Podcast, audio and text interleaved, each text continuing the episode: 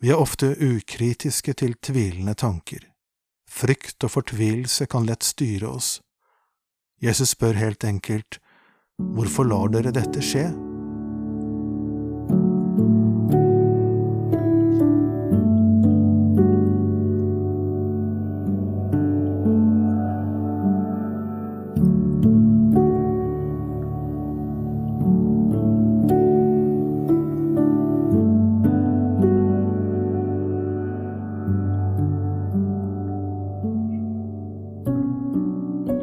Vi er ofte ukritiske til tvilende tanker.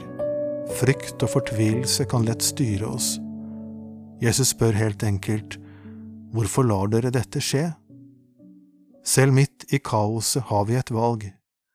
Vi kan legge merke til hva som skjer i hjertet vårt, løfter det opp eller trykker det ned, og så kan vi spørre oss selv hva vi egentlig vil. Fortvilelse og tvilende tanker er som en lang trapp ned i en mørk kjeller.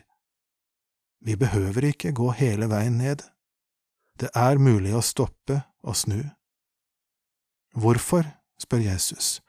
Grunnen til å stoppe turen ned trappen er han selv. Stemmen hans, ordene hans, akkurat idet han spør. Disiplene så han dø, men nå står han der levende i kjøtt og blod og snakker til dem. Jeg var der ikke da Jesus sto og sa dette, kan du si. Men jo, så mange troende før deg har opplevd at akkurat disse ordene i Bibelen bærer Jesu eget nærvær, så du kan velge tro framfor forferdelse og tvilende tanker. Du har hørt en andakt fra boka Vandrebok. Mitt navn er Sverre Skilbreid. Jeg har skrevet boken. Vi høres.